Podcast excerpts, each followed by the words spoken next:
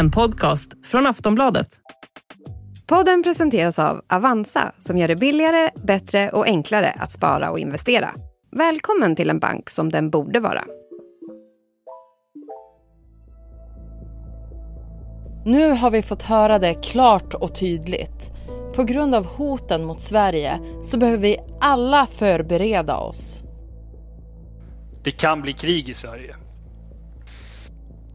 Och alla måste förstå att i det läge vi befinner oss kan tid vara vår dyrbaraste icke förnybara resurs. Det sa civilförsvarsministern Carl Oskar Bolin under sitt tal på rikskonferensen Folk och Försvar i söndags. Och han uttryckte sin oro för att upprustningen av det civila försvaret inte går tillräckligt snabbt. Överbefälhavaren Mikael Bydén är inne på samma linje och uppmanar nu alla svenskar att förbereda sig mentalt för ett krig. Så här sa han till TV4. Titta på nyhetsrapporteringen ifrån Ukraina. Ställ er de enkla frågorna. Om det här händer här, har jag då saker på plats? Vad ska jag göra? Så vad innebär de här uttalandena? Vilka är de stora hoten mot Sverige? Och vilka scenarion menar de att vi ska förbereda oss för? Det ska vi prata om i dagens Aftonbladet Daily. Mitt namn är Ellen Lundström. Och jag ringde upp Niklas Wendt som är på plats i Sälen och bevakar försvarskonferensen. Hej Niklas! Hej! Varför går eh, ministrar och överbefälhavare ut just nu och säger att det kan bli krig? Ja, det är egentligen det kan ju finnas flera skäl till det, men, men jag får nog tolka det ändå som en, eh, som en uppriktig vilja att, att skicka ett budskap, att man, att man tycker att, eh, att det här inte har gått fram då till folket på något sätt. Det är väl, det är väl så man får se det. Jag, har, jag pratade med chefen för den militära underrättelsetjänsten, Thomas Nilsson, här för en stund sedan och eh, han menar väl också att det föranligger en sån här risk att liksom krig i Sverige inte kan uteslutas, men det är inte någonting som har förändrats den senaste tiden som föranleder att man säger så här just nu. Det är liksom inte så att man ser några trupprörelser av, eh, som är på väg mot Sverige eller några sådana oroande signaler, utan det, det handlar om, om fortsatt om att Ryssland har visat sin intention, att de förbereder sig för ett långsiktigt krig mot väst och att det kan eskalera och sprida sig till, till andra länder.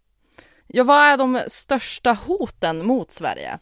Ja, militärt så är det ju bara Ryssland eh, som utgör ett hot mot Sverige. Sen har vi ju andra, andra hotbilder från, från terrorister och sånt där, då, andra extremister. Men, men det militära hotet kan ju bara Ryssland stå för egentligen.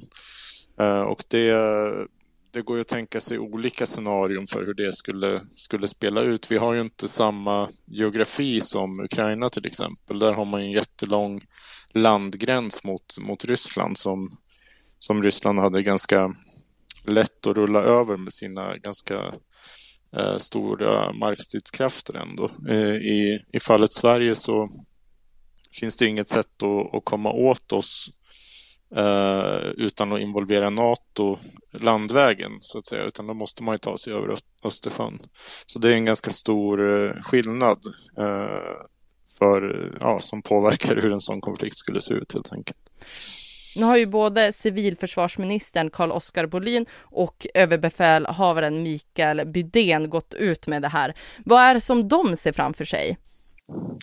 Ja, men det är om man ska, av hur de beskriver hur de beskriver det och, och eh, att man ska liksom titta på bilder från Ukraina och tänka igenom vad man själv skulle göra i en liknande situation så handlar det i så fall om ryska trupper i Sverige Eh, och eh, alltså den påverkan som det skulle kunna ha på samhället. Men det kan ju också handla om eh, långräckviddiga bekämpningsmedel, alltså att, att Ryssland skulle slå mot oss med, med robotar eller flyg eller något sånt där.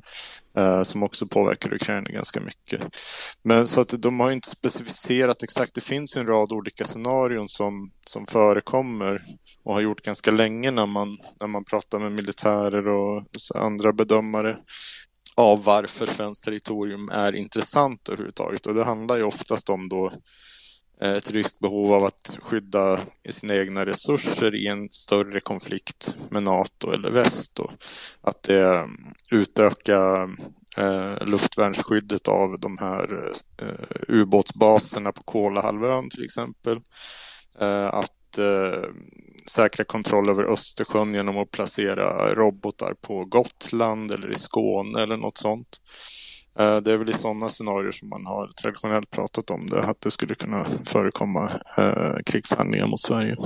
Och gällande tidsspannet, när tänker de att det här kan bli verklighet?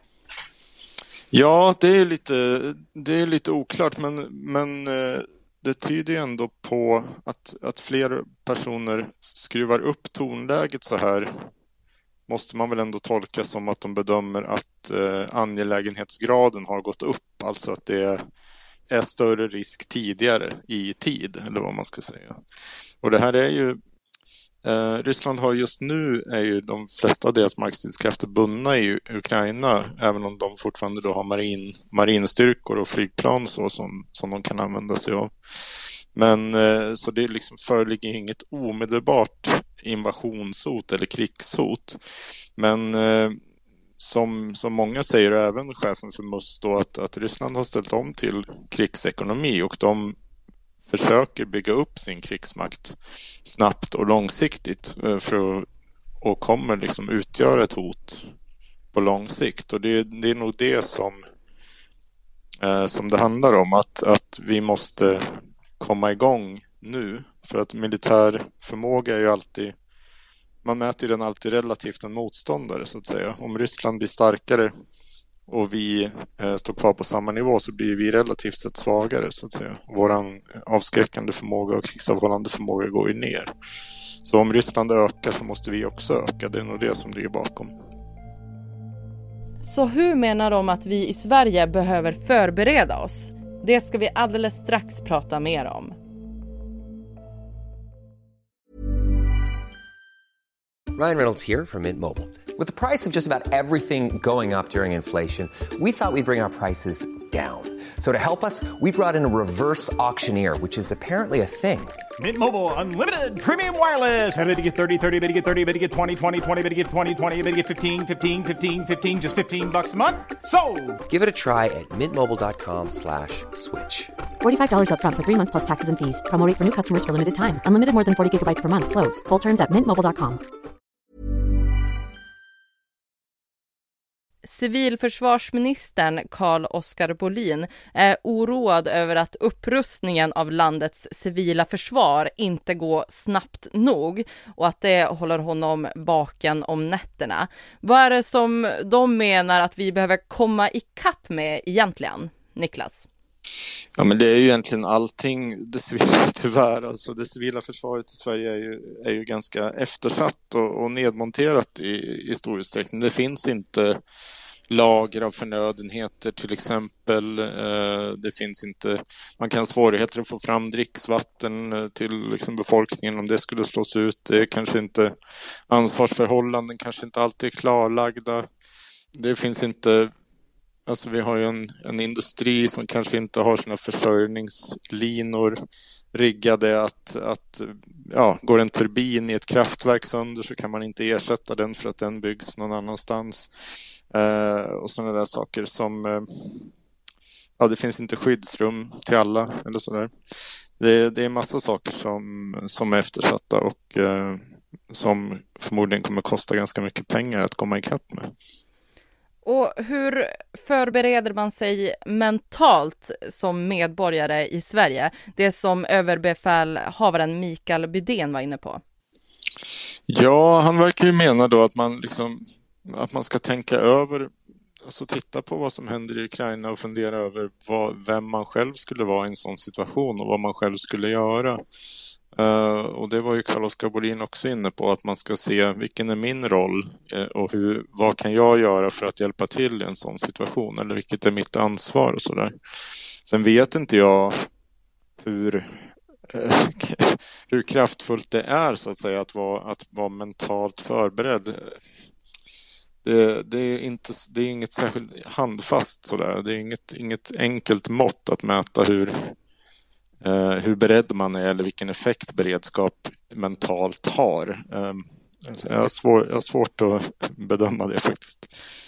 Och förutom då det mentala eh, så finns det ju det praktiska. Eh, tolkar du det som att det är dags att börja preppa nu?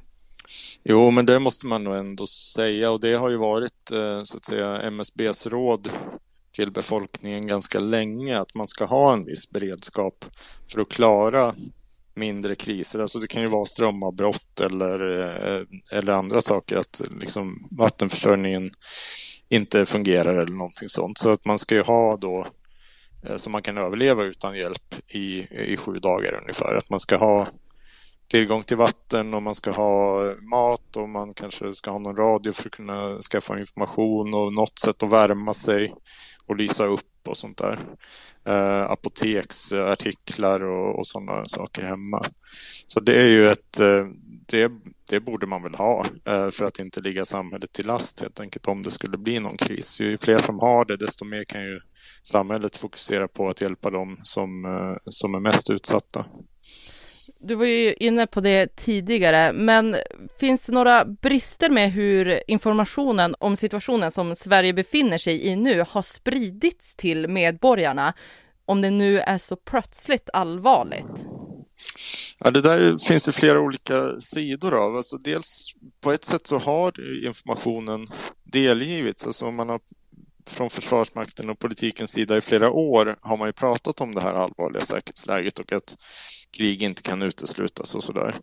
Eh, och sen är det väl alltid en, en balansgång och en svårighet att prata om möjliga utfall som kanske inte är så sannolika men som finns inom det möjligas horisont. Det är, det är inte så lätt att beskriva. Alltså problemet med, ett av problemen med, med att prata om liksom krigsrisk är att den risken alltid är ja, inte alltid, men i, i vår situation ganska låg. Men att konsekvenserna om risken utföll skulle bli så oerhört stora. Så att man måste liksom ta höjd för att förbereda sig för det utan att ja, sannolikheten är ju att det inte kommer inträffa. Eh, och särskilt inte om man förbereder sig då eftersom det har någon typ av avskräckande effekt som kanske i sig gör att det man har förberett sig för aldrig blir av. Så att kommunicera runt det där är ju en ganska stor utmaning, att, att liksom landa rätt. Och det kräver ganska små justeringar i ordval för att det ska tolkas på ett helt nytt sätt. Och det är det som har hänt nu egentligen, att, att det är samma budskap men det kanske är tolk, vridet lite grann och det räcker för att man eh, ska liksom haja till på det tror jag.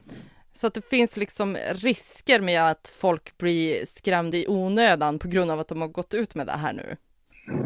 Ja, det skulle man väl kunna säga. Alltså om, om folk mår dåligt av det, att vara rädda eh, och om det eh, inskränker liksom människor i sina liv och, och, kanske hur de, hur de förbereder sig och sånt där. Det är ju inte bra. Det finns ju ingen, ingen poäng med det, utan det de vill är väl att man ska vara medveten om det och göra vad man kan för att förbereda sig, men inte oroa sig i onödan så att säga. Och det, där, det är inte någon lätt balansgång kommunikativt.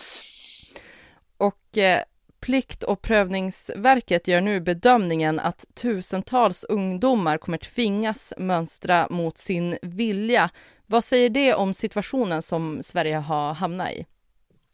Ja, mycket av det här är ju på något sätt historiens återkomst. Att det är liksom saker som vi hade hoppats att vi hade att behovet av skulle ha försvunnit eller att vi kunde ha lämnat det bakom oss har ju på något sätt återkommit. Just behovet av civilt försvar, behovet av militärt försvar, behovet av eh, att alla krigsplaceras och vet vilka uppgifter de har i, i krig och sånt där. Och det här med att, att eh, mönstra ungdomar och utbilda dem med värnplikt har ju också återkommit. Eh, under en period så så tänkte vi oss att vi bara de som verkligen ville och var motiverade skulle, skulle gå in i militären som en karriär, de allra flesta. Och nu, ja, nu ställer man om till att, att utbilda ett försvar som kan försvara hela samhället och då, då behövs ju mycket fler eh, ungdomar helt enkelt. Så det, det är väl ett tecken på att situationen har blivit allvarligare. Det säger Aftonbladets reporter Niklas Wendt. Mitt namn är Ellen Lundström och det var allt för dagens Aftonbladet Daily. För de senaste nyheterna, gå in på vår hemsida aftonbladet.se. Vi hörs snart igen. Quality sleep is essential for boosting energy, recovery, and well-being. So, take your sleep to the next level with Sleep Number. With a Sleep Number smart bed, you can individualize your comfort level and enjoy a better sleep night after night. JD Power ranks Sleep Number number 1 in customer satisfaction with mattresses purchased in-store. And now the Queen Sleep Number C4 smart bed is only $1,599, a saving of $300 only for a limited time. For JD Power 2023 award information, visit jdpower.com/awards. Only at Sleep Number stores or sleepnumber.com. Du har lyssnat på en podcast från Aftonbladet. Ansvarig utgivare är Lena K Samuelsson. Tired of ads barging into your favorite news podcasts? Good news. Ad-free listening is available on Amazon Music. For all the music plus top podcasts included with your Prime membership. Stay up to date on everything newsworthy by downloading the Amazon Music app for free or go to amazon.com slash news ad free. That's amazon.com slash news ad free to catch up on the latest episodes without the ads.